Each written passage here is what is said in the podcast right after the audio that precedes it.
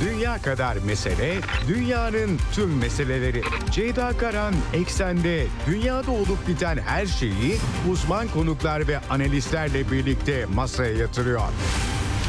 Dünyadaki meseleleri merak edenlerin programı Ceyda Karan'la Eksen hafta içi her gün saat 16'da Radyo Sputnik'te. Ceyda Karan'la Eksen başlıyor.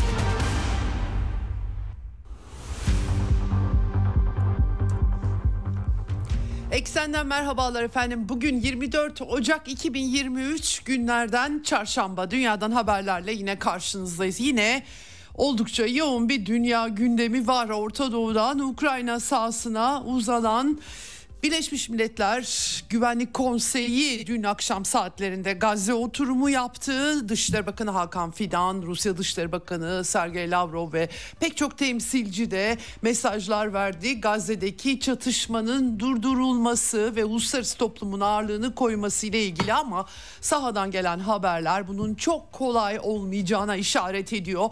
Birleşmiş Milletler örgütleri açlık uyarılarını e, yapıyorlar. Yarım milyondan fazla insan için ve insani yardımların girişlerinde çok büyük sıkıntı var.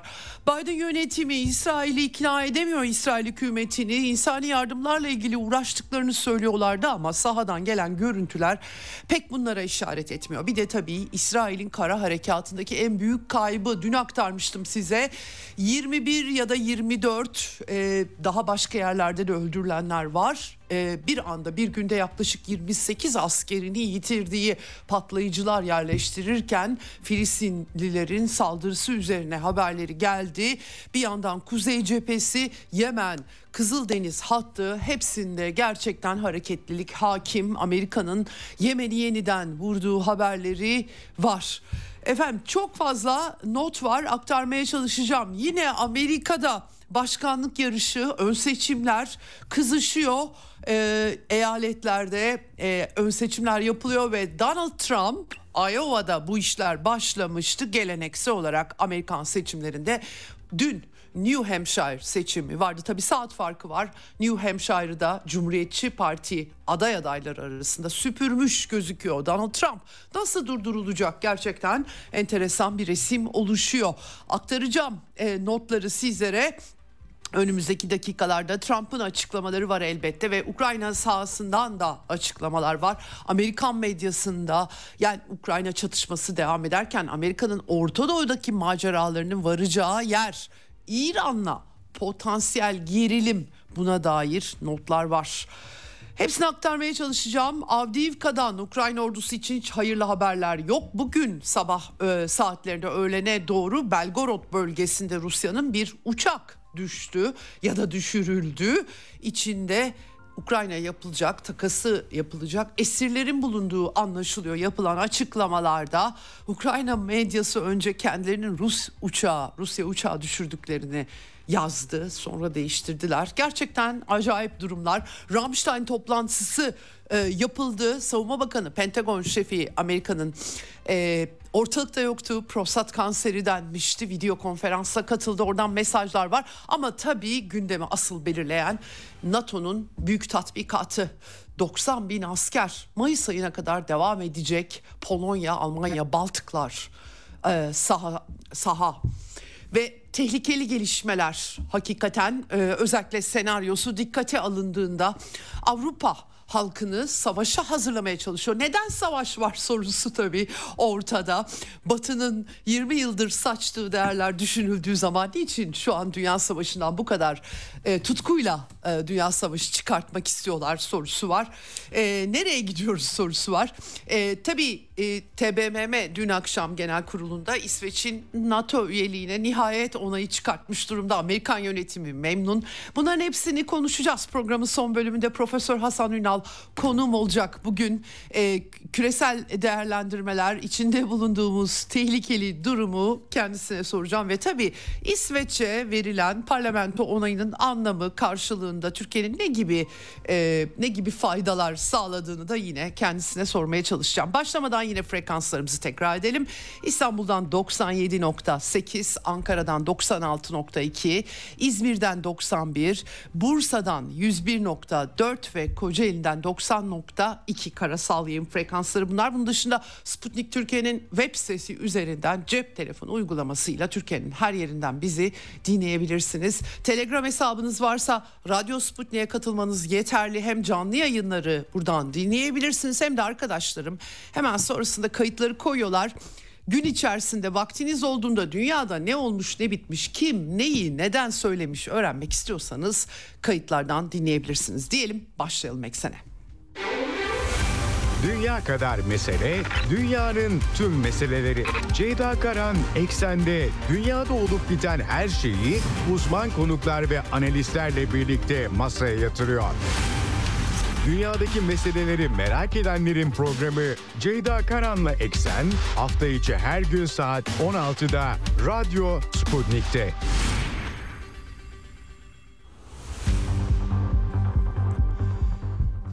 Evet, Gazze'de can kaybı sayısı Gazze ile ilgili tartışmalar hepsi yoğunlaşmış vaziyette.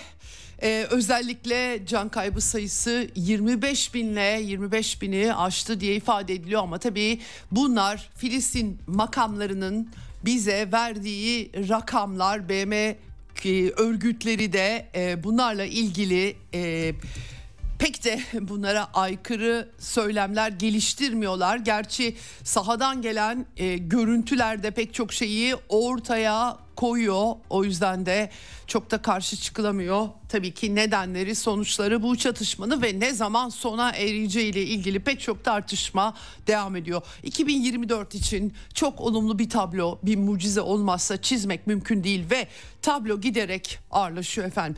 Birleşmiş Milletler birazdan aktaracağım. E, Güvenlik Konseyi'nde Dışişleri Bakanları düzeyinde oturum yapıldı, mesajlar verildi ama sahadan gelen haberler hiç parlak değil. Birleşmiş Milletler Mültecilere Yardım Ajansı Gazze'de yaklaşık nüfusun %25'inin felaket düzeyde bir açlıkla karşı karşıya olduğunu duyurdu. Ee, tabii yardımların girmesinde sıkıntı var, erişim engelleri var. 570 bin insan açlık krizi yaşıyor. Dünyanın gözü önünde bunlar olup bitiyor. BM örgütü diyor ki tabii 1.9 milyon, 2.3 milyonluk bir nüfus vardı. Bunların 1.9 milyonu yerinden edilmiş durumda. Birleşmiş Milletler'in verdiği rakamlar bunlar tabii ki ve bunların da 570'i açlık yaşıyor. Kuzeyde un olmadığı için hayvan yemlerini öğütmeye başladığı insanların bilgileri var. Gerçekten çok dramatik. Bugün e, İsrail ile Gazze'yi bağlayan Kerem Şalom sınır kapısından oldukça e, e, olumsuz diyelim, kötü diyelim nasıl ifade edeceğimi söylemekte zorlanıyorum ama e, kötü manzaralar yansıdı.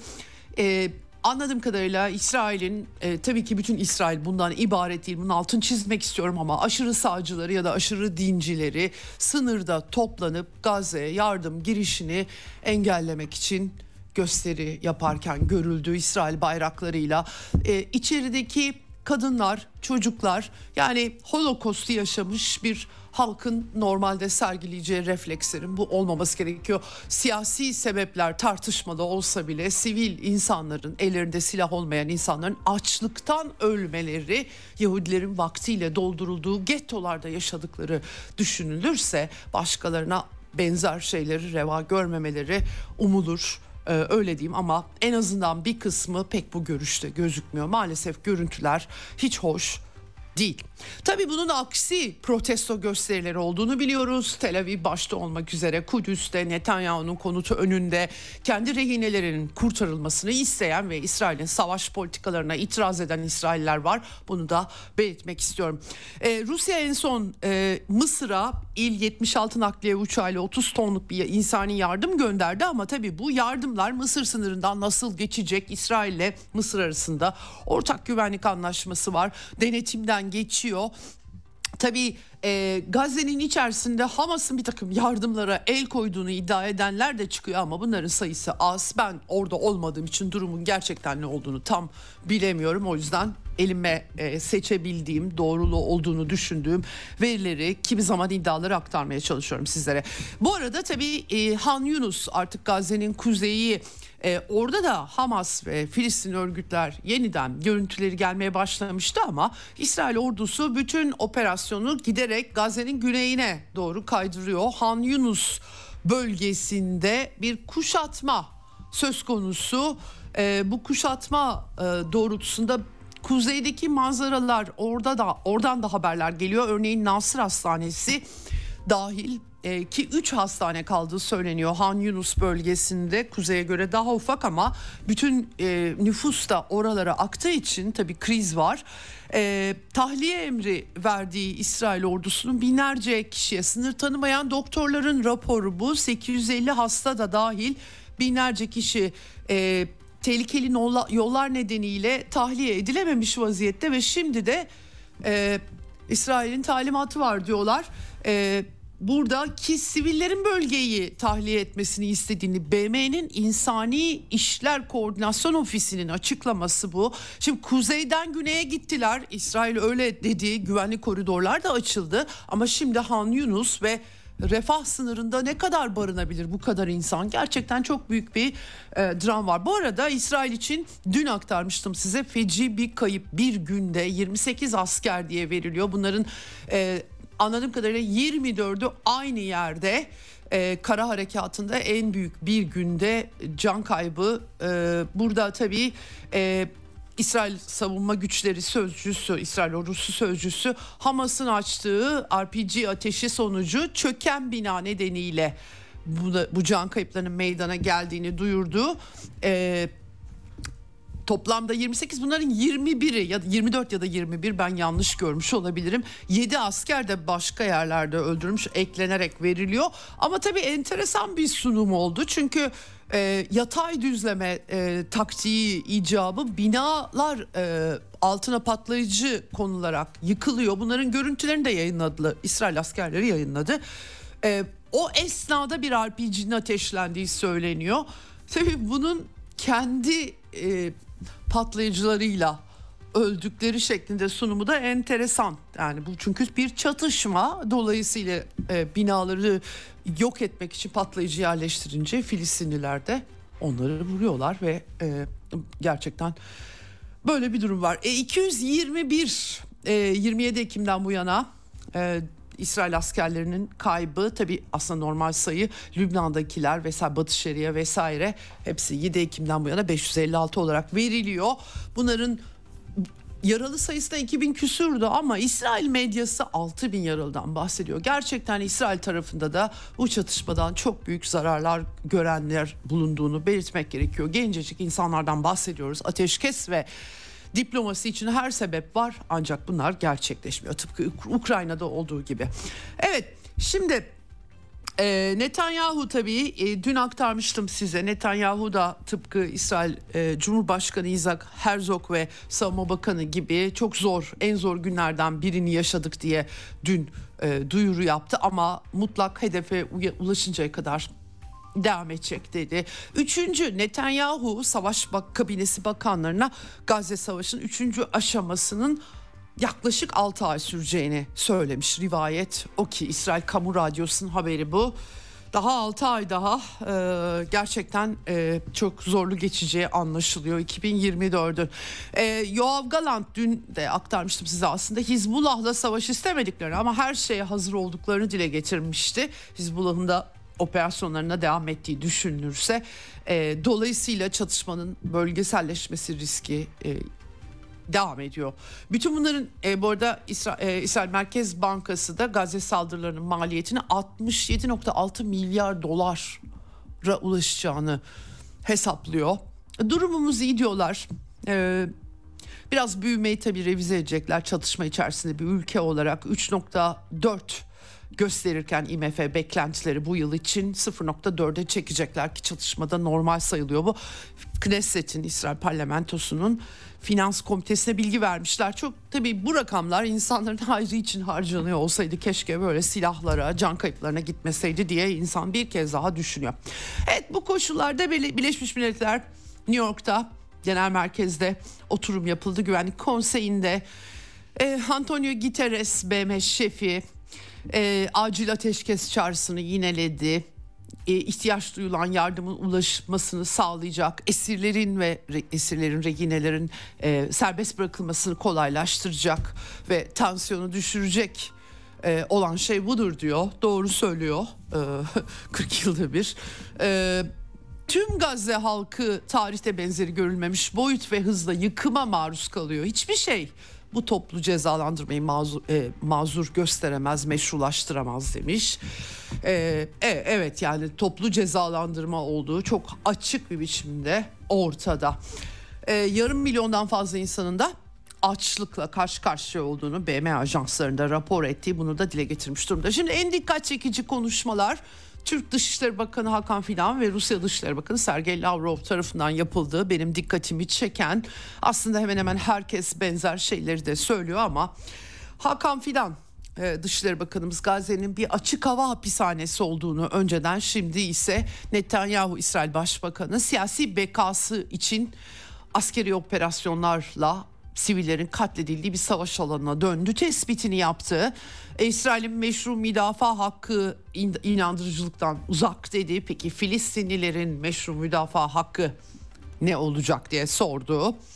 En çok kimin ihtiyaç duyduğundan bahsetti. 1948 soykırım sözleşmesi ve soykırımın önlenmesi sözleşmesine Uluslararası Adalet Divanı'nda BM'ye bağlı açılan davaya atıf yaptı e, ciddi savaş suçları var dedi. Uluslararası hukuka ve kurallara dayalı düzene olan inancın yeniden tesis edilmesini istiyorsak sorumlulara hesap vermeli dedi. Maalesef dünyanın hiçbir yerinde pek de kalmamış şeyler. Kurallara dayalı düzenin ne olduğunu ben doğrusu bilemiyorum. O biraz değişiyor ama uluslararası hukuk var tabii ki ve ülkeler güç dengelerinde gözeterek bunları e, yerine getirmekle mükellef. Buna zorlanmaları gerekiyor. Bunun mekanizmaları da var ama tabii onlar işletilemiyor. Öyle bir dünya yarattılar. E, Türkiye'nin e, çatışmanın yayılması riskleriyle ilgili uyarılarına atıf yaptı. Dün risk dediğimiz bugün artık gerçek oldu dedi Hakan Fidan ve Kızıldeniz, Yemen, Lübnan, Irak, Suriye, İran ve Pakistan'daki son olaylara atıf yaptı. Kimsenin kolay kolay kaçamayacağı jeostratejik bir girdaba dönüşme e, potansiyeli taşıdığını söyledi. Çok doğru bir tespit açıkçası yap, yapmış Hakan Fidan. E, esirlerin tüm esirlerin serbest bırakılması, insani yardım gibi unsurlar, Birleşik Filistin liderliği kurulması gerektiği, e, Gazze'deki Filistinlerin geleceklerine kendilerinin karar vermesi, 67 sınırlarına dayalı iki devletli çözüm e, bu konuda çaba sarf edilmesi. Herkes hemfikir ama İsrail'in bunu hayata geçirmesini sağlayacak etkili mekanizma yok demiş. Yalnız buna şunu da eklemek gerekiyor. Hamas da iki devletli çözümü kabul etmiyor. E, genellikle bu e, anılmıyor ama İsrail ile Hamas'ın bu bağlamda çok büyük bir farkı yok açıkçası. Bunu da belirtmek gerekiyor. E, tabii... E, Gazze'deki durumun aynı zamanda uluslararası sistemin temel ilkelerini ve ahlaki değerleri daha da sarsacağını da vurgulamış. Gerçekten önemli vurgular yaptığı bir konuşma Hakan Fidan'ın. Sergey Lavrov da e, aynı şekilde benim dikkatimi çeken tabii burada biraz daha küresel makro değerlendirme de var. Neden bu işlerin bu hallere geldiği, hangi hegemon güçlerin hangi etkilerde bulunduğu bütün bu olup bitenlere e, malum e, Amerika'nın e, herkese rol biçtiği, e, hizaya getirmeye çalıştığı 30 yıldır Sovyetler Birliği'nin çöküşünden beri bir dünyada yaşıyoruz. Bütün değerleri onlar belirliyor. Onların iyi dediği iyi, kötü dediği kötü oluyor. E, bunun sonucunda dünyanın durumu ne kadar vahim onu da görüyoruz elbette. Şimdi e, tabii bu e, İsrail'in BM daimi temsilcisi Gilad Erdan bu arada e, İran'ın Ukrayna e, çok tabii kurbanlar her şey birbirine karışmıştır da düşünün. Bugün e, Kiev'de iktidarda alenen Stepan Bandera'nın doğum gününü milli bayram ilan eden Genelkurmay Başkanı üzerinde e, Nazilerle işbirliği yapanların dövmelerini taşıyan bir siyasi yapı var ve İsrailli Yahudiler de onların en büyük, onların atalarının en büyük kurbanları ama nedense Kiev'le birlikte hareket etmeye çok teşne gözüküyor liderlik mekanizması. Çok enteresan. Ee, İran e, tabii İran Rusya'ya silah verdiği iddiaları çok gündeme getiriliyor. Bunu tekrarlamış ama oturum Gazze ile alakalı Sergey Lavrov kendisine e, toplantının yapılma amacını hatırlatmış anladığım kadarıyla. Ee, ve Kiev'deki Nazi rejimine karşı düzenlenen özel askeri operasyonla ilgili Rusya'ya yöneltilen suçlamaları ezberlenmiş bir senaryoda tekrarlama imkanı bulduğunu bazı heyetlerin söylemiş İsrail heyetini. Böyle e, eleştiriyor ama Filistin e, meselesinin gömülmesine izin vermeyeceklerini söylüyor. Tabi buradan enteresan bir e, bağlam da e, kurmuş kendisi e, ve e, açıkça e, 2015'te BM Güvenlik Konseyi'nde Minsk anlaşmalarının onaylandığını 2202 sayılı kararı atıf yaparak bunların ama uygulanmadığını tıpkı bunlar gibi Filistinlilerle ilgili hem Güvenlik Konseyi hem Genel Kurul'dan çıkan kararlar olduğunu onların da uygulanmadığını eğer uluslararası hukuk diye bir şey varsa uygulanmaları gerekiyor tabii ki onları anımsatmış. Ateşkes çağrısı e, yapılması gerektiğini vurgulamış. E, tabii e, Amerika'nın Orta Doğu siyaseti nedeniyle BM Güvenlik Konseyi'nde karar çıkamadığını hatırlatmış. Arkadan dolaş, dolaşan Amerikan diplomasisinin becerisi, molalar vesaire yani ateşkesi ilan edilmemesi için çeşitli taktikler uygulamışlardı. Ben de size aktarmıştım. Bütün bunların tüm bölgeyi olumsuz etkilediğini, Yemen meselesine e, dikkat çekmiş ve BM Güvenlik Konseyi'nin ABD ve İngiltere'nin hani e, kurallar diyoruz BM kuralları dışında kurallar olamayacağına göre nedir o kurallar bilmiyoruz ama e, BM bir karar çıkarttı 11 Ocak'ta ama bu karar Amerika ve İngiltere'ye gidin Yemen'i vurun demiyor. Ama onlar vuruyorlar.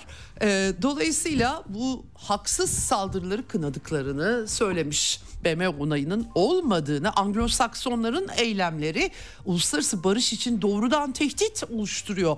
Dünya düzeninde baltalıyor demiş. 30 bine yakın sivil enkaz altındakileri de say- saymış anladığım kadarıyla. Gazze nüfusunun yüzde sekseni yerinden edildi demiş. Ee, ve bir e, sonu görünmeyen bir insanlık trajedisi yaşanıyor diye de saptamada bulunmuş e, Sergey Lavrov. E, zorla yerinden etme fikri ortaya atılıyor. Bu fikirler iğrenç ve endişe vericidir. Böyle bir senaryo kabul edilemez vurgusu yapmış. E, BM Güvenlik Konseyi üyelerinde Amerika'nın uyarılarına kanmamaya çağırmış e, Sergey Lavrov e, ayrıca işte BM Genel Kurulu, Güvenlik Konseyi, Madrid ilkeleri diğer kararlarda yer alan basit yükümlülükler değil uluslararası toplumun ahlaki görevleri olduğunu anımsatmış. Uluslararası konferans fikri var. Sergey Lavrov aynı zamanda diyor ki bu konferansta hem devletin Filistin devletinin kurulması hem İsrail'in güvenliğinin sağlanması ancak bu şekilde olabilecek hem de diğer Arap Müslüman ülkelerle e, önlemler alınması söz konusu olabilir. E, burada tabii ki e, İsrail'in aynı zamanda e, Suriye'ye saldırılarını kınadıklarını belirtmiş. Her türlü terör eylemini kınadıklarını 7 Ekim'de İsrail'i hedef alan İsrailli sivillerin öldürüldüğü dahil olmak üzere kınadıklarını çifte standart uygulayan batılı meslektaşlar gibi aşırılıkçıların iyi ve kötü, bizim ve bizim olmayan gibi ayrımlarına kendilerinin riayet etmediğini hatırlatmış. Esirlerin bırakılması gerektiğini söylemiş ve özellikle de bölgede son geçtiğimiz sene e, küresel güney tırnak içinde diyebileceğimiz Çin diplomasisi, İran'la Suudi Arabistan'ın barıştırılması, Suriye'nin Arap Birliği'ne geri dönüşü, Türkiye ile Suriye arasında tabii artık unuttuk onu ama e, diyalog kurma çabaları yani diplomasi dünyada çelişen çıkarların çözümü için bir mekanizma savaş olmayacaksa diplomasi olacak bunlara atıf yapmış. Tabii salgın riskine o da işaret etmiş insani durumlarla ilgili e, böyle bir çerçeve var. İkili temaslar Filistin Dışişleri Bakanı Filistin yönetimi Maliki ile görüşmüş. Onun dışında Ürdün, Cezayir, İsviçreli mevkidaşıyla en son bir konferans Ukrayna ile ilgili planlıyorlardı. Birleşik Arap Emirlikleri'nden e, temsilci Lana Zeki Nuseybe ile görüşmesi enteresan şakalaşmış onunla benden başka kimseyi öperek vaktini boşa harcama diyen bir video dolaşıyor. Böyle enteresan e, görüntülerde yansıdı New York'ta. Evet tabii e, bütün bunlar başka ülke temsilcileri de benzer açıklamalar yaptılar. Hepsini aktarmayacağım ama toparlamak bakımından Hakan Fidan'ın ve Sergey Lavrov'un açıklamaları BM'deki dikkat çekici. Ee, ama sahadaki durum bölgesel durum parlak değil. Amerikan güçleri Irak'ta e, Katayip Hizbullah'ın e, askeri unsurlarını SATCOM e, e, vurduklarını duyurdu. Irak yerel basının da Babil'in Curf El Sahar bölgesindeki Haçlı Şabi e, askeri fakültesinin bombalandığı bilgileri var. E, aslına bakarsanız Irak sahasındaki durumun kötüleştiğini söylemek mümkün. Aynı zamanda e, e, Lloyd Austin de yazılı açıklama yaptı. Joe Biden'ın talimatıyla milis grupları. Bunlar da tabii Amerika'nın ve koalisyon güçlerine hedef alıyorlar. Amerika'da diyor ki biz Irak'taki meşru müdafaa hakkımızı kullanıyoruz. Amerika biliyorsun zaten bütün dünya Amerika'nın askeri üslerini her yere koyup başka ülkelerde kurdukları askeri üslerin meşru müdafaa hakkından bahsetmek bir tek Amerika'ya özgü bir e, mefhum. İran tabi burada dikkat çeken mesele Aynel Esad askeri üssü ki tekrardan bir SİHA'lı saldırı düzenlendiği bilgisi var. Ama 20 Ocak'taki saldırının oldukça zarar verdiği anlaşılıyor Pentagon'un açıklamasından. Bazı askerlerin travma yaşadığı bizzat Pentagon sözcü yardımcısı tarafından açıklanmıştı. Şimdi bu bağlamda tabii işin Yemen kısmı da var ama Irak sahasında özellikle Amerikan medyası çok tehlikeli gidişata işaret ediyor. New York Times'taki haber dikkat çekici. Biden yönetimi bütün bu saldırılar karşısında sürekli vurguyu İran destekli, İran destekli diye yapmaya başladı ve New York Times'ın haberine göre kırmızı çizgi Amerikan askerlerinin öldürülmesi. E, bu koşullarda buradaki askeri varlık hele de Irak parlamentosunun kararına aykırı olarak devam ederken Gazze işleri devam ederken Amerikan askerlerinin kaybedilmemesi mümkün mü sorusu var. Ee, Amerikan askerleri ölürse Biden yönetimi İran'ı mı vuracak sorusu var. Yani haberden, makaleden o çıkıyor. Çünkü ondan bahsediyor. Tabii biraz böyle şey yazılmış bir makale. Biden yönetimi hiç istemiyor böyle bir şey yapmayı, kaçınmaya çalışıyor. Ama bir noktada da bir şey yapmak zorunda kalacak gibisinden haberler bu şekilde e, kırmızı çizgiler ve İran vurgularıyla e, 70 Amerikan askerinin yaralandığı en az anlaşılıyor. Carnegie'den Aaron e, David Miller'ın yorumu da var burada. E, Orta Doğu'da arabuluculuk misyonları da olmuş. İran'ı doğrudan vurmak istemiyorlar ama bir noktada Amerikan güçleri öldürülürse doğrudan yanıt vermek dışında bir seçenekleri kalmayacak ifadeleri tabii ki tehlikeli ifadeler oluyor. Gidişat eğer engellenemezse e, nereye sorusu açısından e, bunları aktarmak durumunda kalıyoruz. Çünkü bu kapışma devam ediyor tabii ki. Hizbullah'la İsrail arasında sınırda ama aynı zamanda Amerika'nın bir türlü vazgeçmediği jeopolitik hesaplarla Suriye ve Irak'taki üsleri, parlamento kararı falan çok umurlarında da değil zaten biz gitmeyeceğiz kalacağız burada diyorlar. E, kalınca da tabii bu koşullarda hedef oluyorlar asker kaybederlerse dönüp İran'ı vuracaklar sonucu çıkıyor. Böyle bir sarmala dönüşmüş vaziyette. İşin Yemen kısmında yine CENTCOM açıklaması var. Husilere e, ait iki gemi, gemi savar füzesinin imha edildiği açıklandı fırlatma konumunda oldukları söyleniyor bunların. BM Güvenlik Konseyi'nin 11 Ocak'ta kararı var ama karar gidin Yemen'i vurun demiyor. Husilere saldırıları durdurma çağrısı yapıyor uluslararası e, gemi trafiği açısından. Husiler de Gazze'ye destek için böyle bir şey yaptıklarını ve İsrail ile ilgili olmayan gemilerin istedikleri gibi geçebileceklerini söylüyorlar. Böyle bir denklem kurulmuş durumda.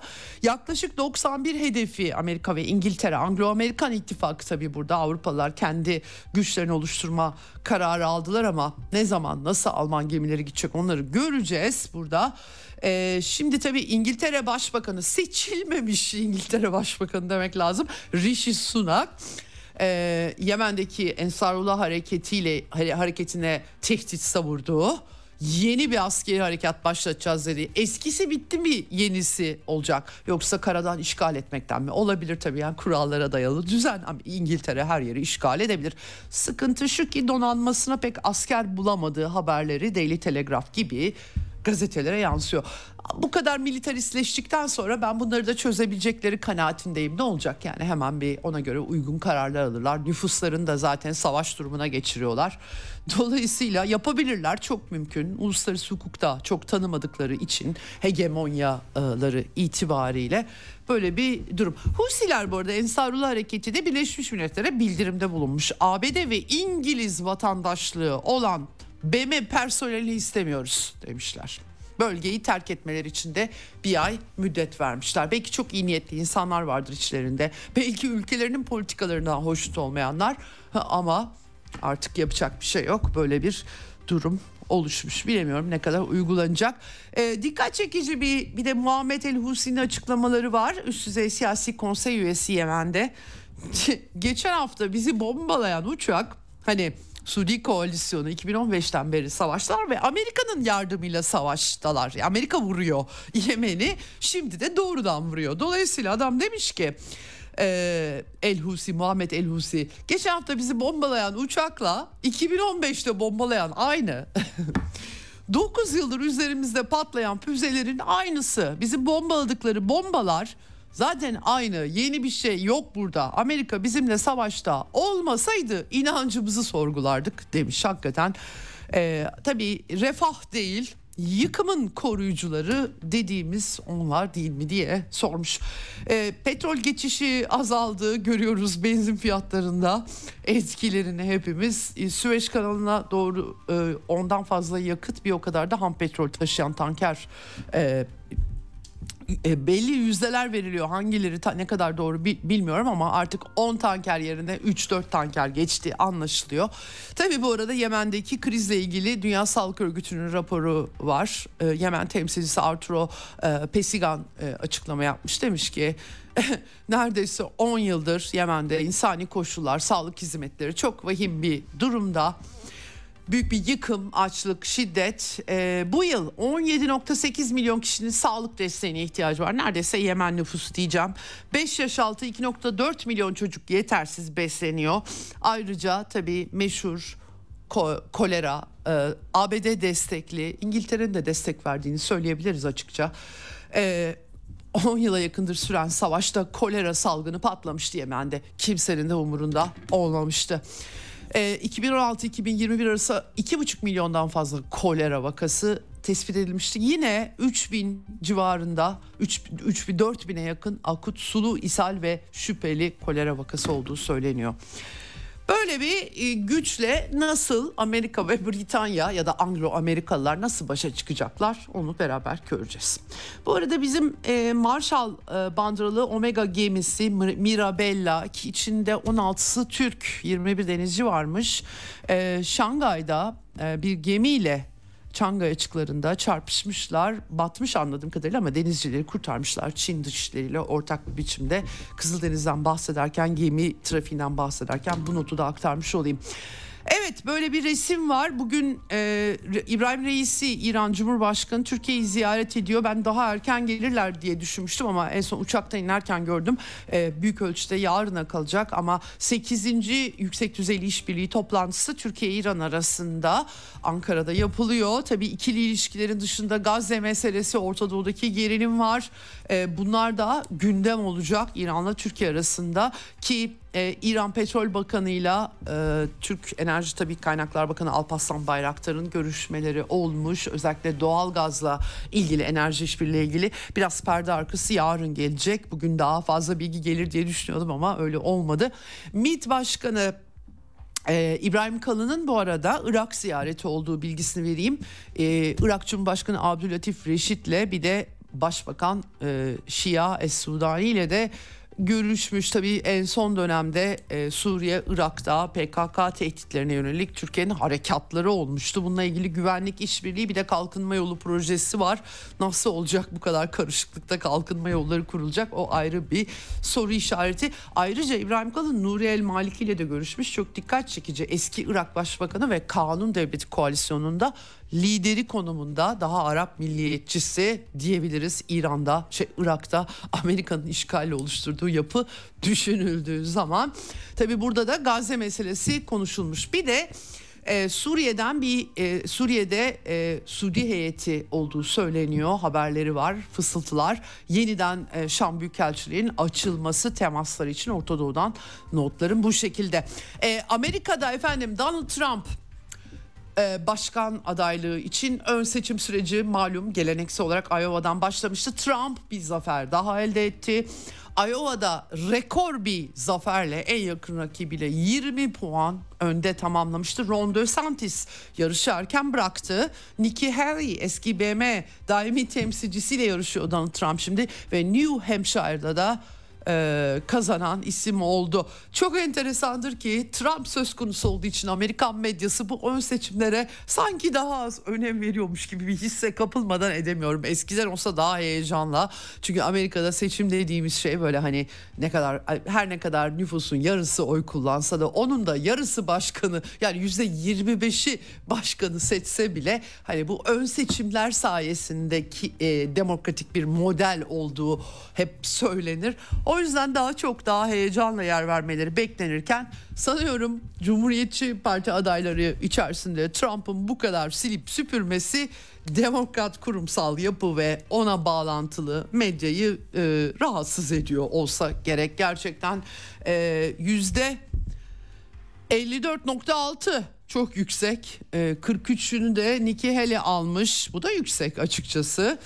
Ee, ama genelde destek oranlarına baktığımız zaman Trump %66'ları buluyor. Zaten e, Amerikan kurumsal yapısı ne yapacak ne edecek Trump nasıl engelleyecek? Zaten zor bir başkanlık dönemi yaşamışlardı. 6 Ocak kongre baskınıyla sonuçlanmıştı Amerikan sisteminde.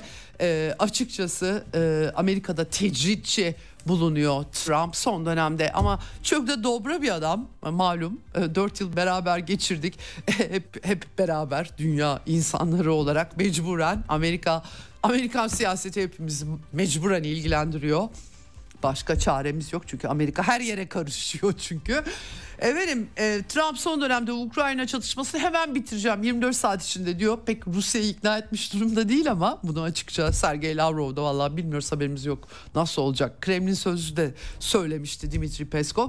Şimdi tabii en son Trump 9 trilyon dolar harcadık Orta Doğu'da. Milyonlarca insanı öldürdük. Ne geçti elimize? Hiçbir şey. Ölüm var, kan var, hiçbir şey yok demiş. Trump yani gerçekten tuhaf bir adam ama kimi zaman gerçekten doğruları da ifade ediyor. Hakikaten öyle. Bütün Orta Doğu, bütün Amerikan projesi nerede çıktıysa orada ölüm, kan, yıkım, nüfusun başka yerlere gitmesi ya da sürülmesi var. Hakikaten öyle. Hani yok diyorsanız bir örnek göstermeniz lazım. Neresi? Ben soruyorum. Hiçbir örnek yok. Hepsi felaket. E, Trump bu koşullarda birkaç tane füze salladı doğru. Yalan istihbarat, kimyasal silah. Esad kazanırken canı sıkılıyor kimyasal silah kullanıyor diye BM kurumlarında da skandallar yarattılar. Ama onun dışında büyük bir savaş vallahi çıkartmadı adam onu da kabul etmek lazım.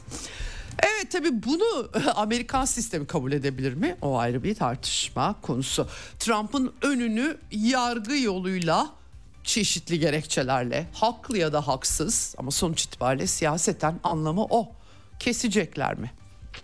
Bütün soru bu sene Amerika bağlamında bu efendim. Tabi bu bir örnek olduğunda o zaman herkes siyaseten rakibinin önünü kesebilir. Dünyada hiç kimseye de laf etmeye Amerika'nın da pek hakkı kalmayacak. Gerçi genel olarak durum da böyle her konuda ama neyse.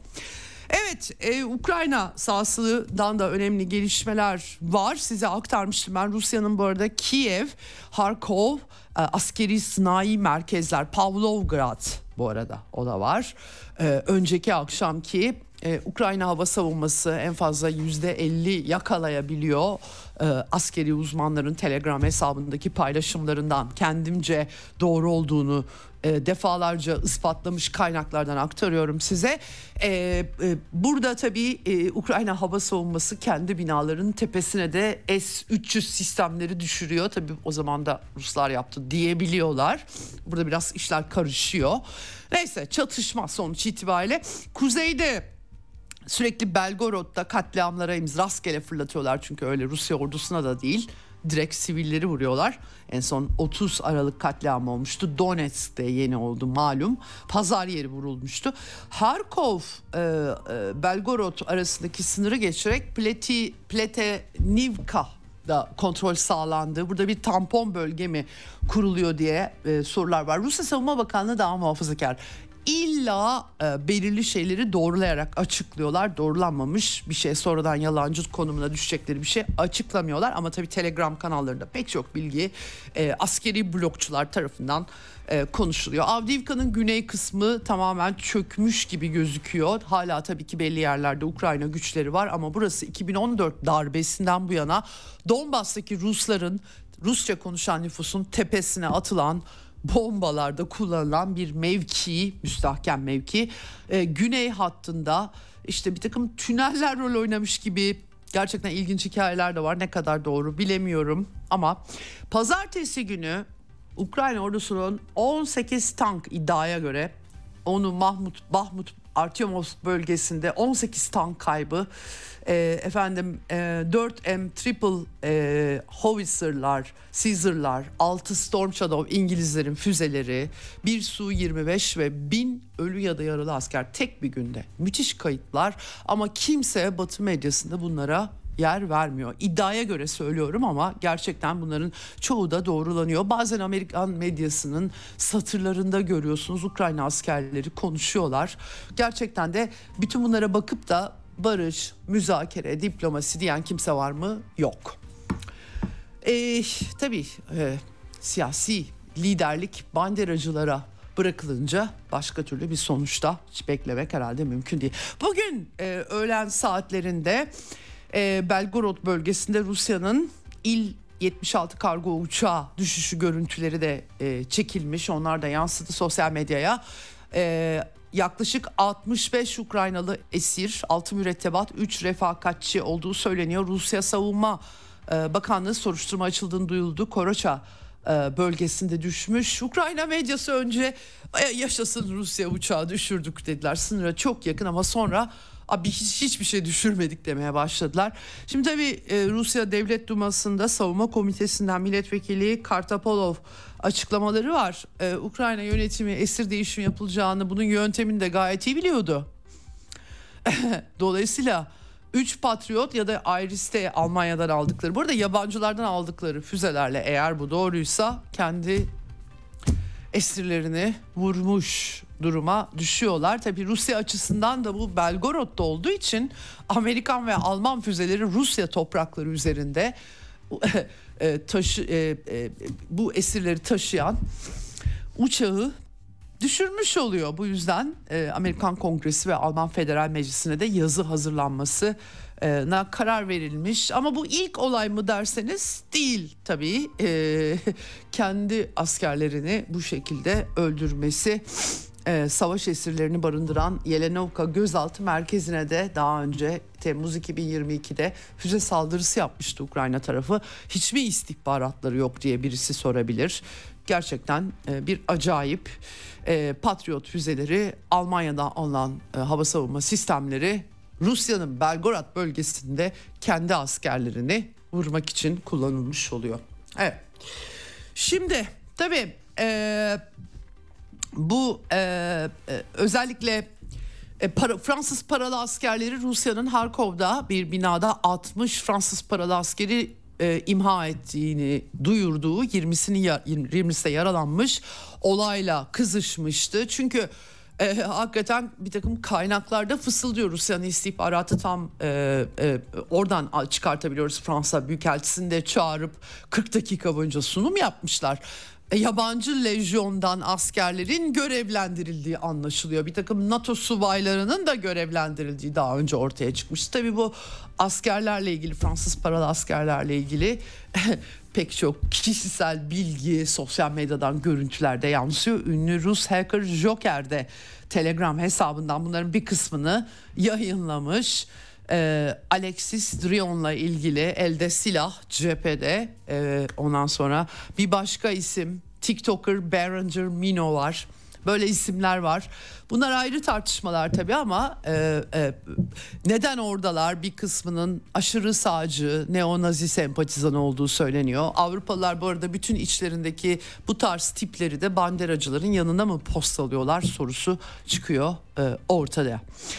Evet şimdi e, Burada e, Ukrayna e, ile ilgili tabi e, Ramstein toplantısı yapıldı. E, Pentagon şefi rahatsızdı biliyoruz. E, 23 e, Aralık'ta ameliyat geçirmişti. Sonra yine Ocak başında hastaneye kaldırılmıştı. Dinleniyor evinde deniyordu. Walter Reed merkezi açıklama yapmıştı. Bir ara bir skandala sebebi vermişti. Şimdi video konferansla Ramstein Ukrayna'ya destek toplantısı 18. toplantısı yapılmış. Ukrayna tarafının iddiası Savunma Bakanlığı sözcüsü Pavluk bu yıl hiç verilmeyen e, silahlarımız olacak diyor. Bilmiyorum neyi değiştirecek bütün bunlar e, Rüstem Ümerov e, askeri e, desteğin arttırılması çağrısı yapmış durumda. Ancak e, tabii e, bu konuda Lloyd Austin'in video konferansa katıldığı toplantıda açılış konuşmasında o yaptı. Amerika'dan yeni bir silah tedariki açıklamış değil. Daha çok diğer ülkeleri sevk eden bir açıklama yaptı. Daha aktif silahlandırın diye. Amerikan yönetimi öyle diyor. Ama e, Almanya'da Maliye Bakanı Christian Lindner e, demiş ki Alman Ekonomisi Doğu Komitesi etkinliğinde yapmış bu konuşmayı. Tek başına biz yardım edemeyiz. Yani para yok. hani diğer Avrupa ülkeleri para versin. Mali yükü tek başına Almanya. Çünkü Almanya'ya kalıyor. Avrupa deyince herkes Almanya'ya dönüyor bak bakıyor.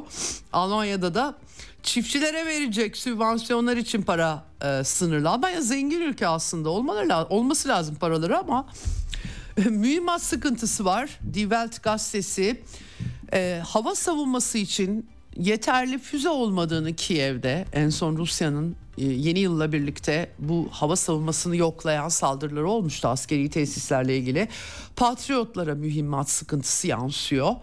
E, dolayısıyla gerçekten sıkıntılı e, bir resim var ve Almanya ne yapacak burada onu e, bilemiyoruz. Alman Federal Meclisi'nden milletvekili Robert Farle de demiş ki yani e, yani toplamda 200 milyar dolardan fazla para harcandı bunlara ve hepsi ABD savunma sanayinin karları için bizim çiftçilere para yok.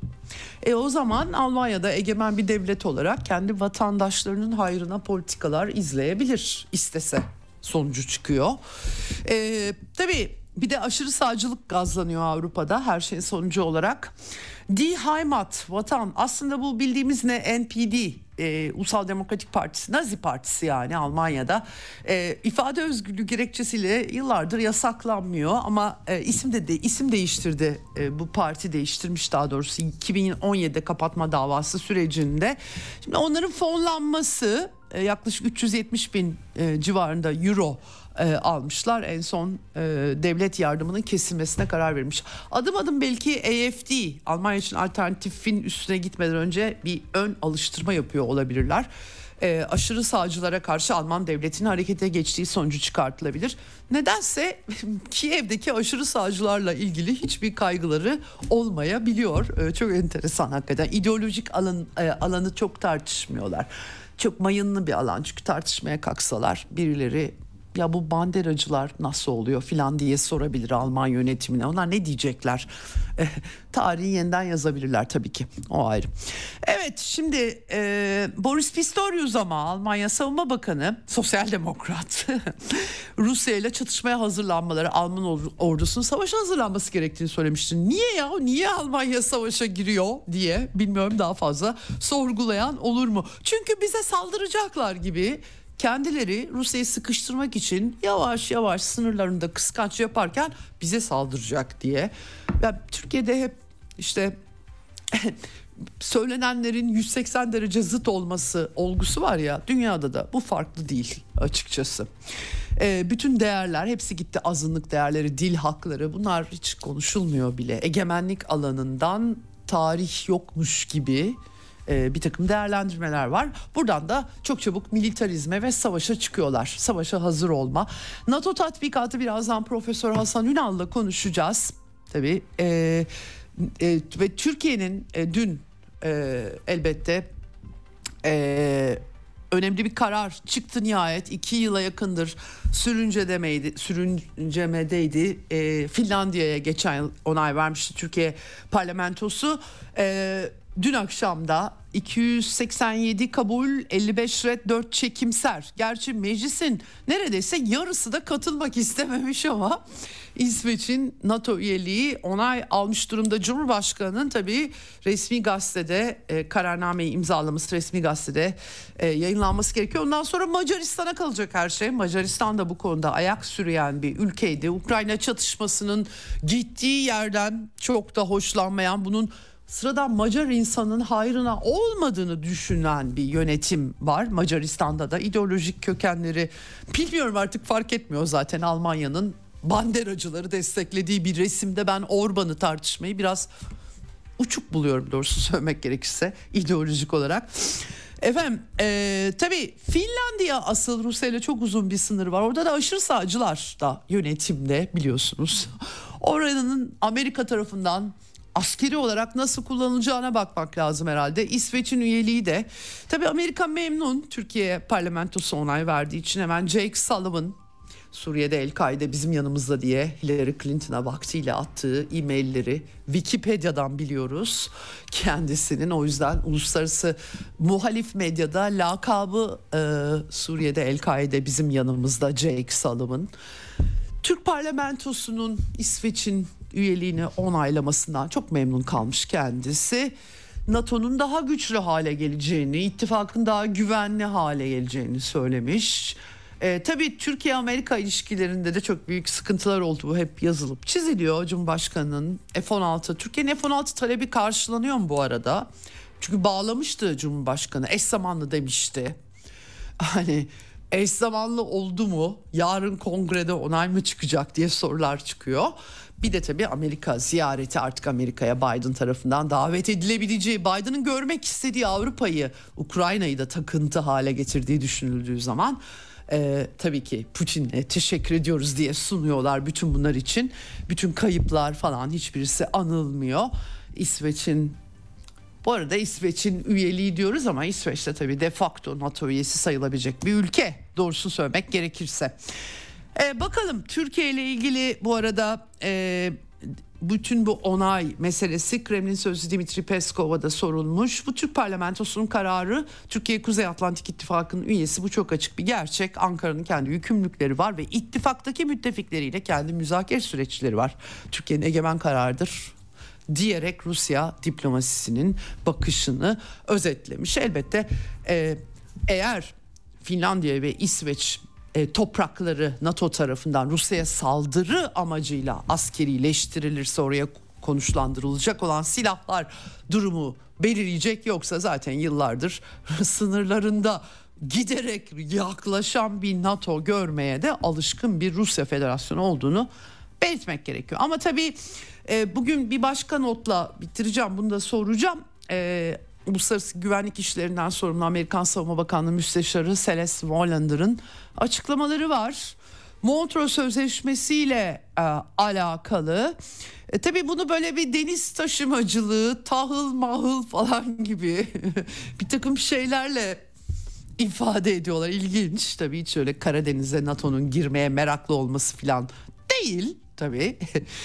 e, Karadeniz'e kıyısı olan ülkelerle Montreux Sözleşmesi'nin bir tarafı olarak Türkiye'nin bu sözleşmenin hükümlerinden hükümlerine dayanarak işte çatışma durumundan uzaklaşmak için gerekli koşullar üzerinde çalışmak istiyoruz. Gerekli koşullar. Montreux Sözleşmesi açık.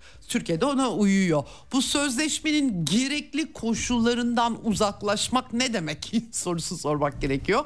Yani sözleşmeyi mi değiştirmeyi kastediyor diye. Yani niyet okumanın da ötesinde gerçekten dolambaçlı cümlenin tek bir anlamı var. Sözleşme hükümlerine göre davranıyor Türkiye. Bundan uzaklaştırmak. Açık, net. Neyse. Evet yani böyle bir durum var ee, ortada. Montreux e, ama bu çok yeni değil. 1936 tarihli Montreux. Türkiye'nin güvenliği için çok önemli ve Amerika'nın İngiltere'nin bu Montreux Sözleşmesi'nden hiç hoşlanmadığı. E, daha önce Türkiye'de diplomatlarımız ve askerlerimizin Montreux'ün korunmasının önemini vurguladığını da hatırlatalım. Böyle bir resim var. Evet fazla vaktim kalmadı. Macaristan hedefte Dışişleri Bakanı'nı Ukrayna'da kimliği belirsiz kişiler ölümle tehdit etmişler. Slovakya Başbakanı Robert Fico da Ukrayna Başbakanı Şmigıl'la Kiev'de görüşmeyi reddetmiş. Sınırda görüşecektik niye gelmiyor diye soruyor. Evet e, bir tanıtım arası hemen arkasında Profesör Hasan Ünal'la burada olacağız bizden ayrılmayın.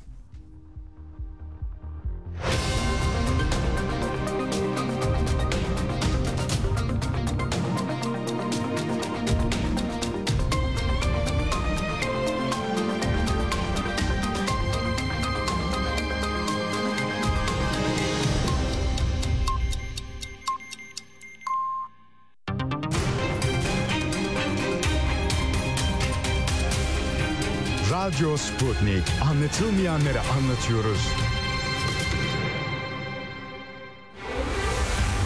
Ceyda Karan'la Eksen devam ediyor. Evet Eksen'in son bölümündeyiz. Telefon hattımızın diğer ucunda Profesör Hasan Ünal var. Hocam hoş geldiniz yayınımıza. Hoş bulduk. Teşekkür ederim. İyi yayınlar diliyorum.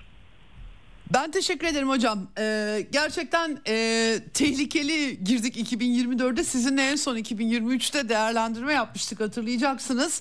Ee, yeni yıl pek böyle ne Orta Doğu için ne dünyanın başka yerleri için çok hayırlı gelişmelerle başlamadı. Daha beter olmasın diye umudumuzu dile getirelim. Şimdi tabii e, Türkiye'nin içinde bulunduğu bölge itibariyle çok da kritik bir takım gelişmeler yaşanıyor hocam. Bunların başında tabii bir NATO tatbikatı başlıyor şimdi. E, 90 bin askerin katılımıyla başlıyor. Ee, bölge için anlamını soracağım tabii size.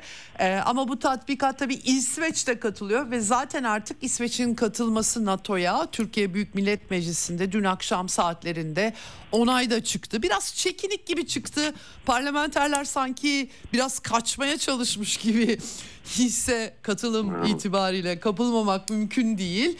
Ee, Türkiye karşılığında ne elde etti soruları tabii derhal e, Türk kamuoyunda soruluyor. Ee, böyle bir e, e, çerçevemiz var ama önce size bu NATO tatbikatını soracağım. Yani NATO açıkça savaş senaryosu e, Rusya ile ilgili. Bu arada e, Rusya'yı çevrelerken Rusya bize saldıracak e, diye de Avrupa halklarına böyle bir takım tam ta, savaş tamtamları da çalıyorlar. İlginç bir yani e, e çerçeve var. Ne deniyorsa 180 derece tersi mi kastediliyor diye ben düşünmeye başladım artık. E, nedir yani NATO böyle bir e, sarsılmaz savunucu e, tatbikatını ne oluyor? NATO ülkeleri e, bu kadar e, e, büyük tatbikatları neden yapıyorlar hocam sizce şimdi? İki ay sürecek bir de Mayıs ayına kadar diken üzerinde mi olmak lazım? Bize NATO üyesiyiz bu arada Türkiye olarak. Bir e, savaş çatışma e, ufukta mı gözüktü diyeceğiz? Niçin bu kadar sertleştiriyorlar olayları? Şimdi işte e, soru bu. Bunun cevabı da çok açık ve net değil. Kolay da değil. Çünkü neden böyle büyük bir şeye e, kalktı? Hadi şimdi şöyle diyelim. NATO neticede bir e, ittifak. Dolayısıyla hani tatbikatlar zaten yapar. Bu çapta evet. bir tatbikat yapmamıştı. Dolayısıyla bu ne anlama 88. geliyor? Hocam 88 yanılmıyorsam en son. Yani soğuk savaş e, hani evet, öyle söyleyeyim. Yani soğuk savaştan bu e, yani Sovyetler Birliği'nin dağılmasından bu yana bu çaplı bir e, tatbikat yapmamış. Niye yapıyor? Şimdi hmm. 88 e, baya baya bir e, zaman geçmiş yani üzerinden. Neredeyse 36 yıl mı ediyor? 2004 itibariyle evet. Şimdi şöyle burada e, iki şey var. Bir NATO'nun bu tatbikatı. İkincisi daha e, az önce söylediğiniz belki bundan da önemli olan e, Avrupa halklarının özellikle Kuzey Avrupa halklarının e, ve Rusya ile sınır olan bölgedeki halkların hükümetleri tarafından e, savaşa hazır olun diye habire habire e, nasıl diyeyim böyle çağrılara maruz kalmaları. Yani mesela İsveç'teki hükümet neden habire e, savaşa hazır olun e, işte şöyle yapın e, işte nakit parayla ilgili bunu şöyle yapmalısınız diğer konuyla ilgili böyle yapmalısınız falan diye böyle somut bir takım şeylerle ülkeyi savaşa hazırlıyor olması halkı savaşa hazırlıyor olması e, Baltık ülkeleri zaten e, savaşta yatıyorlar, savaşta kalkıyorlar. Almanya'nın e, kendisini savaşa hazırlıyor olması, Bild gazete, e, Bild dergisinde çıkan e, şeyleri hatırlayalım. Yani savaş senaryolarını yine. Şimdi bütün bunları yan yana getirdiğimizde ortada şöyle bir şey var. Sanki bunlar e, e, şöyle bir gerekçeye dayandırıyorlar. E, efendim Rusya Ukrayna işini hallettikten sonra bize de saldıracak. Şimdi hı hı. bu beraberinde şunu da getiriyor. O halde demek ki Rusya bize saldıracağına göre biz e, savunma pozisyonda mı kalacağız yoksa aslında biz mi Rusya'ya saldırmalıyız? Ne yapmalıyız? Hı. Şimdi bu beraberinde şunu şu soruyu açıklığa kavuşturmuş oluyor. Yani Ukrayna'daki savaşı kabul ettiklerini kab e, kendi e, kaybettiklerinin kabulü anlamına geliyor. Çünkü hı hı. Ukrayna'daki hı hı. savaş kaybedildiğine göre Rusya bunlara saldıracak güya.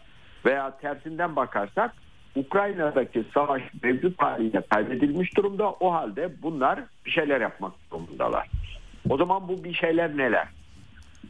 Yani demek ki bir takım hmm. provokasyonlar hesap ediliyor? Ee, yani olacağı düşünülüyor. Ve bütün bunların sonunda da nedir durum? Yani doğrudan NATO üyesi ülkelerin belki NATO'dan bir karar çıkararak değil çünkü NATO'dan karar çıkarmak da kolay olmayacak. Yani şimdi o İsveç'le birlikte NATO ülkeleri şu anda 31 mi oldu? Bu 31 32 belki de. 32 ee, olması lazım hocam. Hmm, hmm. Evet. Şimdi Finlandiya, bunlar bir araya 30, gelecekler 30. ve e, yani o bir e, şey kararı Rusya'ya karşı savaş kararı alınacak. Bu bence hemen hemen imkansız bir şey. Başta Türkiye hmm. olmak üzere işte e, Macaristan, şimdilerde Slovakya belki e, biraz daha hani e, ya biz ne yapıyoruz kardeşim sabah oldu parti bitti kendimize gelelim gerçeklerle yüzde, gele, yüzleşelim diyecek başka ülkeler de olabilir. Savaş öyle kolay bir iş değil kolay bir karar olamaz diyecek hmm. başkaları da çıkabilir. Dolayısıyla NATO'dan belki resmi bir karar çıkararak değil ama hadi hurra diyerek gönüllülük esasına göre acaba Ukrayna'ya asker mi gönderecekler? E şimdi hmm, bu ülkeler hmm. Ukrayna'ya asker gönderirlerse de aslında savaşı yine davet etmiş olacaklar kendileri. Çok riskli bir noktadayız. Şimdi bunun hmm. sebeplerinden biri de şu yani hakikaten bir sabah uyanır uyanabiliriz ve Ukrayna ordusu çöktü. Her cephede geriye çekiliyor. Kitlesel olarak teslim oluyorlar ve e, yani Rusya ilerlerse Kiev düşmek üzere diye bir hmm. haberle karşı karşıya gelebiliriz. Haber duyabiliriz. Hiç de e, şey değil uçuk bir haber olmayabilir. Çünkü Rusya Ru, Rus birlikte Bahmut denilen Artemovsk'tan sonraki e, en büyük hedefi de ele geçirmiş durumdalar. Burası 2014'ten itibaren Amerika'nın ve İngiltere'nin e, Rusya'ya karşı Ukrayna için oluşturdukları en büyük cephe. Avdiivka hmm. bölgesinde büyük ölçüde ele geçirmiş durumda. Evet. Şimdi orayı da büyük ölçüde ele geçirmiş durumdalar. Ee, ve karşılarındaki Ukrayna ordusu artık savaş istemez bir konumda. O yüzden de şimdilerde şey konuşuluyor. İşte Genelkurmay Başkanı Jaluzni'yi görevden almak, Jaluzni'nin yerine böyle Amerika'nın e, isteyeceği her türlü provokasyonu yapabilecek olan başka birini getirmek. Peki o provokasyondan hmm. ne amaç elde edilebilir? Yani benim görebildiğim kadarıyla e, işte oradaki Zaporijne Niya'daki e, nükleer reaktörü patlatmak. Bu Avrupa'nın hmm. zannediyorum en büyük nükleer reaktörü. Patlatıldığı takdirde evet. tabii korku, korkunç şeylere yol açar. Efendim bunu Ruslar yaptı falan diyerek de sonra bu NATO e, ülkelerinin e, birliklerinin Ukrayna'ya sokulmasına sebep olmak. Şimdi tabii burada şu var. Eğer siz böyle bir şey patlatırsanız bu birlikleri nasıl göndereceksiniz?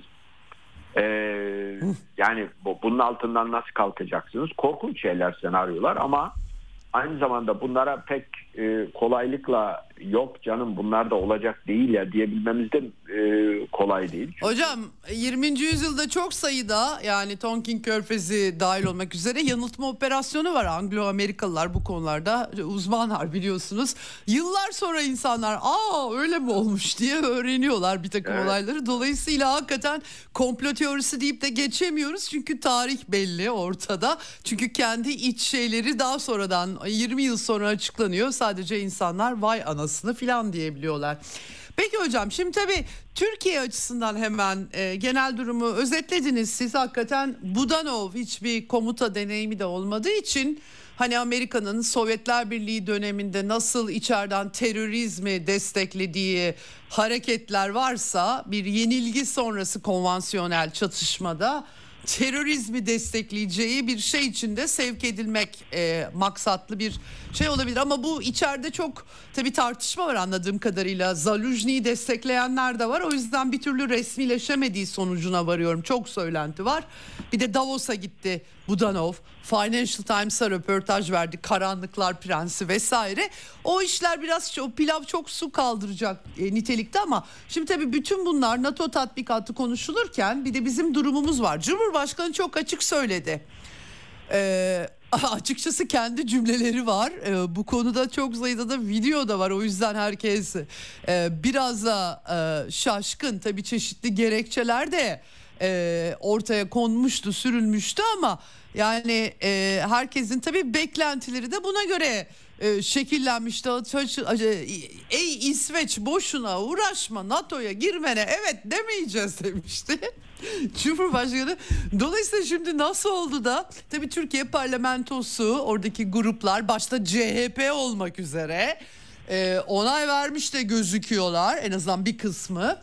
Ee, e, ama e, bir de eş zamanlılıktan bahsediyordu. Yine bizzat Cumhurbaşkanı öyle demişti yani F-16'larla eş zamanlı bir süreç demişti. Şimdi Amerikan Kongresi'nden bir beklentiye sahip olmak gerekiyor mu? Nedir bu e, parlamentonun bu kadar kolay İsveç'e e, aslında kolay da değil epey de zaman da geçti onu da belirtmek lazım ama ee, nasıl değerlendiriyorsunuz Türkiye'nin onay vermesini? Basitçe NATO üyeliği? Neden Türkiye NATO'da hiçbir zaman veto kullanamıyor? Ee, veto kartı kullanamıyor. Ee, Şimdi nasıl NATO'da, görüyorsunuz? Evet. NATO'da vetomuzu aslında sürekli kullanıyoruz. Nerede kullanıyoruz? Özellikle Yunanistan'la ilgili bütün konularda, tatbikatlarda, girişimlerde hepsinde kullanıyoruz.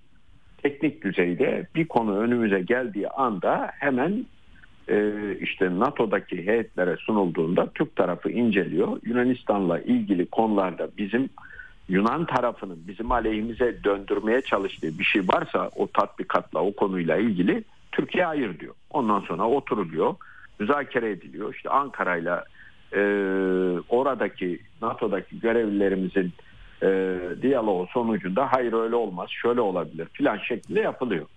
Şimdi burada bizim e, söylemeye çalıştığımız şey şu. NATO'nun genişlemesine neden veto ede, e, genişlemesini neden veto edemiyor? Şimdi Türkiye zaten burada bu İsveç ve Finlandiya meselesinde NATO'nun genişlemesini veto etmek üzere harekete geçmedi.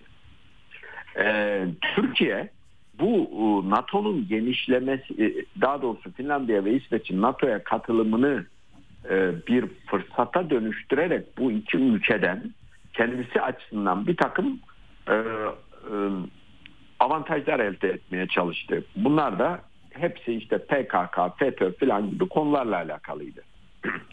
bir süre sonra anlaşıldı ki aslında Finlandiya ile çok büyük sorunlarımız yok zaten. Dolayısıyla Finlandiya'nın üyeliğine onay verildi. İsveç'e gelince İsveç'te epeyce bir sorunumuz var. halen de sorunların bir kısmı duruyor. Bunlardan biri kuzey e, bu Suriye'nin kuzey doğusundaki e, PYD diye kendini adlandıran PKK yapısına İsveç'in verdiği desteğe desteğin sonlandırılmasıydı. Benim anladığım kadarıyla bu konuda Türkiye istediğini en azından şimdiye kadar itibariyle almış durumda. Yani İsveç gerek bir önceki İsveç hükümeti gerekse şimdiki merkez sağ İsveç hükümeti bu konuda e, onlara verdiği açıktan verdiği desteği sonlandırmış durumda. Ama bizim hmm. için bu yeterli değildi. Esas PKK faaliyetlerinin kısıtlanmasıydı İsveç'te. PKK faaliyetlerinin kısıtlanmasına yönelik olarak da mevcut hükümetin bazı adımlar attığı anlaşılıyor İsveç'te. Fakat oradaki bizim açımızdan e, işte özellikle FETÖ'cüler ve bazı PKK'ların iadesine ilişkin konularda İsveç adım atmadı. Yani daha doğrusu orada adım atamadı. Mevcut hükümet bu konuda daha istekli başladı. E, bu merkez sağ hükümet. Fakat e, işte İsveç'teki pek çok kuruluş bunun anayasaya şu veya bu şekilde aykırı olacağı ya da İsveç hukuk sistemine aykırı olacağı gerekçesiyle mahkemelerden karar çıkartarak bu süreci durdurdular. Şimdi e, e, ha bundan sonra İsveç bu işte Kürt faaliyetleri diyerek PKK'nın içinde olduğu daha doğrusu merkezinde olduğu bir takım faaliyetlere yeniden izin verir mi üye olduktan sonra bunları göreceğiz. Yani aslında Hocam geçtiğimiz seneden bu seneye ne değişti de e, onaylandı? Ben onu anlayamıyorum açıkçası işte, çerçeve olarak baktığımızda şöyle, aynı şey var çünkü. Neden geçen sene onaylanmadı yani? Evvelki şey sene. Hı. Evvelki sene e, bu şey imzalandığında yani Türkiye ile İsveç ve Finlandiya arasında bir mutabakat zaptı imzalandığında o mutabakat zaptında bu konular vardı. Onun için söylüyorum. Şimdi PKK ile ilgili olarak İsveç'in bundan sonra ne yapacağı, nasıl yapacağı, oradaki faaliyetlere ne kadar izin vereceği ayrıca takip edilmesi gereken bir konu. Bir de şu, İsveç kendi iç güvenliği açısından da bu tür faaliyetler konusunda çok ileri gittiğini ve bunların böyle devam etmesi halinde kendi iç güvenliğinin bundan zarar göreceğini düşünmeye başladı. Yetkilileri bunu konuşuyorlar, anlatıyorlar falan. Ama biz buradan istediğimizin e, diyelim ki üçte birini alabildik şu anda. Ama o üçte birden de hmm, İsveç çok rahatlıkla geri adım atabilir üye olduktan hmm. sonra. Ha, bizim evet. şeyimizde bu üçlü mutabakata girmeyen bir başka konuda talep dile getirmiştik. O da şuydu. Efendim e, bu Amerika'dan almayı almak için başvurduğumuz F-16'ların serbest bırakılması, F-16 satışı ve bu modernizasyon kitleri. Şimdi bu konuda da bir ilerleme oldu mu olmadı mı bilmiyoruz. Yani şu ana kadar hmm. e, anladığımız kadarıyla Amerikan yönetimi eğer kongreye bir mektup yazdıysa ben bunu satıyorum diye ve o da bu Christmas ve e, yeni yıl tatiline girerek kongre tarafından ele alınmadan geçiştiriliyorsa ya da geçiştirilecekse o zaman bu satışta gerçekleşmiş olacak. Ama burada da şöyle bir sorun var. Yine Türkiye bunu kağıt üzerinde kazansa bile daha bunu görmedik de bilmiyoruz da benim görebildiğim zaman e, ta, şey e, şu ki eş zamanlı bir hareketlilik söz konusu değil. Yani Amerikan hı hı. tarafı böyle bir mektup falan yazmış değil. Ee, yanlıyor olabilirim yani eğer yazdıysa. Şimdi e, hı hı. ikinci sorun şu zaten. Bu işin içindeki özellikle havacı generaller falan bunu teyit edeceklerdir. Yani Amerika mesela satış sırasında da o kadar yavaşlatır ki süreci. O yavaşlatma aslında satışı durdurmak kadar e, anlamsızlaşır. E, dolayısıyla evet. orada da işin garantisi yok. Şimdi bu yüzden Türkiye bu konularda istediklerini aldı diyerek İsveç'in üyeliğine onay ver, verildi demek doğru değil. Ama hiçbir şey almadı, hiçbir şey olmadı, tükürdüğünü yaladı o da bence tam doğru değil. Şimdi birincisi buradan çıkarmamız gereken dersler. Ee, şimdi en önemli ders şu çok ağır laflarla, çok açık ifadelerle dış politikada bir pozisyon belirlediğinizi ifade ederseniz, anlatırsanız, kamuoyuyla paylaşırsanız, bunu gündelik malzeme haline dönüştürürseniz işte böyle olur. Yani bunu yapmamak lazım. Yani dış politikayı bu denli iç politika konusu haline dönüştürmemek lazım. Yani buradan çıkaracağımız bence en önemli ders bu. İkincisi de ikincisi de yani bu tür e, konularda e, sonuç alabilmemiz için mesela ülkenin ekonomik özellikle finansal durumunun bugünkü haline düşürülmemesi lazım. Evet. Yani e, şimdi neden korkuyor hükümet açıkçası benim anladığım kadarıyla yani Amerika ile bir açık cepheleşmeye dönüşürse iş e, Türkiye'ye fon getirmesi muhtemel e, yabancı kuruluşlar faizler ne kadar yükselirse yükselsin tedirginlik yaşar mı ve bundan vazgeçer. Bu korkuyla yaşadığınız sürece de olmaz. Ama bu beraberinde şunu da getirir bunu görelim. Yani kardeşim Türkiye'nin bu konularda e, her defasında bir şeyler isteyeceğinden emin olmalıyız. Yani ucunu da kanatmış olduk ilk defa. Burada tabii e, hükümet olan e, AK Parti ve MHP açısından durum bu şekildeyken CHP açısından durum bence ayrı bir tartışma ve şey konusu. Çünkü onlar işin başından itibaren bu konunun doğrudan onaylanmasından yanaydılar. Bundan ne fayda Hocam, umuyorlar evet. Türkiye açısından ben bunu Evet. anlamış değilim. Diyorlar Hocam ben de onu onu soracaktım size. Çok özür diliyorum açmak açısından. Yani bu iktidarıyla muhalefetiyle dünyada böyle baktığımız zaman süratle bir çatışma ortamına sürüklendiğini görürsek Türkiye'nin bulunduğu bölgeyi denklemin içine koyarsak e, bunun e, bizim açımızdan e, e, savaş barış ikilemi yaratacak hamleler ileride düşünüldüğü zaman genel bir okuma mı yapılmıyor ya da dünyadaki gelişmeler mi takip edilmiyor yeterince iyi? Ne yöne gittiğimiz mi anlaşılmıyor? Ee, siyasi ideolojik olarak tam olarak nerede durduklarını da anlamak mümkün. Yani böyle bir konuyu e, basitçe iki ülkenin e, e, ikili çıkar e, e, e, merceğinden tabii anlaşılır yanları var ama daha büyük bir konunun parçası olduğu mu fark edilmiyor? E, öyle diyeyim size yani hem iktidar hem de muhalefeti de katarak soruyorum açıkçası. Muhalefet çok enteresan tabii yani.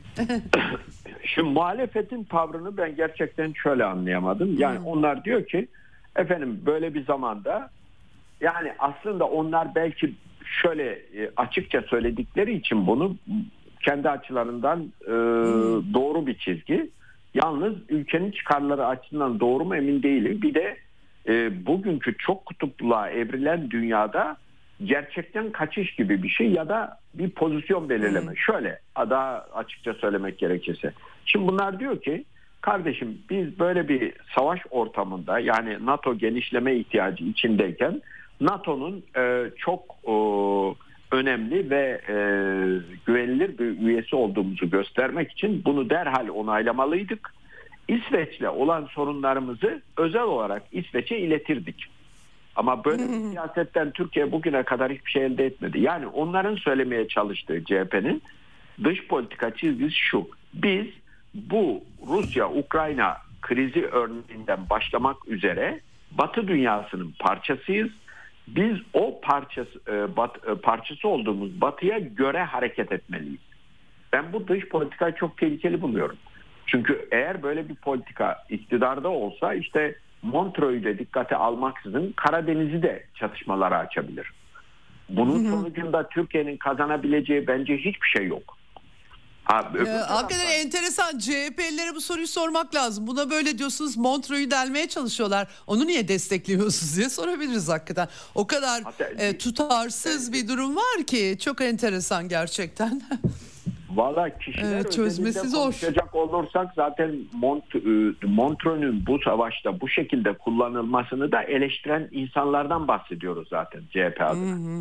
evet. Dolayısıyla evet, evet. yani biz işte bu bu savaş iyilerle kötüler arasında bir savaş. Biz batılı iyilerle birlikte olmalıyız. Ona göre hareket etmeliyiz. Montreux'u bu şekilde yorumlamamalıyız falan falan halindeler.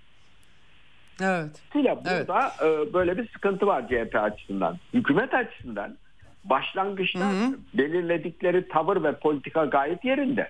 Ama e, şimdi siz yani ülkenin e, kasaları hakikaten sıkıntılı derecede boşalmışsa e, o zaman zaten e, zor durumda olursunuz her konuda.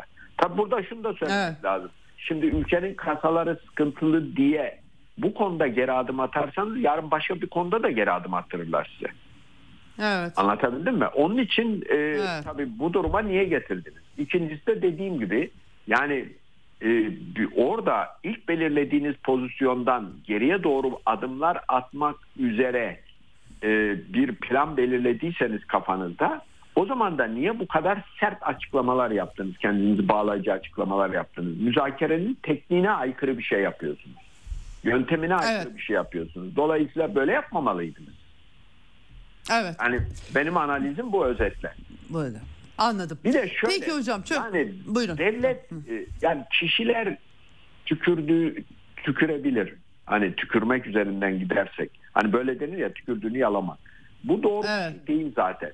Devletler çok dikkatli hareket etmek durumundalar. Bireyler gibi olmaz. Devletler e, kılı kırk yararak süratle hareket edebilir. Ama yine orada da kılı kırk yararak hareket eder ve e, yani kendisini amiyane tabirle tükürdüğünü yalayan pozisyonuna düşürmez. Çünkü nereden Evet. geriye adım atacak, nereden müzakere boşluğu bırakacak, nereden geriye adım atmayacak bunları belirleyerek hareket eder. Ama bu konular böyle sürekli olarak kamuoyuyla e, kamuoyu önünde çok ağır cümleler pardon Evet, çok ağır olsun cümlelerle hocam. pozisyonların e, izahı şeklinde olmaz. Yok o, iyiyim bir şey yok. Sadece e, böyle bir şey oldu. Hani Evet. Bir şey olabilir. Evet çok teşekkür ediyorum hocam. Ee, sağ olun daha e, epey tartışacağız herhalde bu konuları. Çok teşekkürler değerlendirme Tabii, için tabii sıcak sıcak. Sağ olun. Memnuniyetle. Evet Profesör Hasan Ünal'la konuştuk. Tabii NATO tatbikatı dünyanın sürüklendiği Türkiye'nin bölgesindeki tehlikeli durum.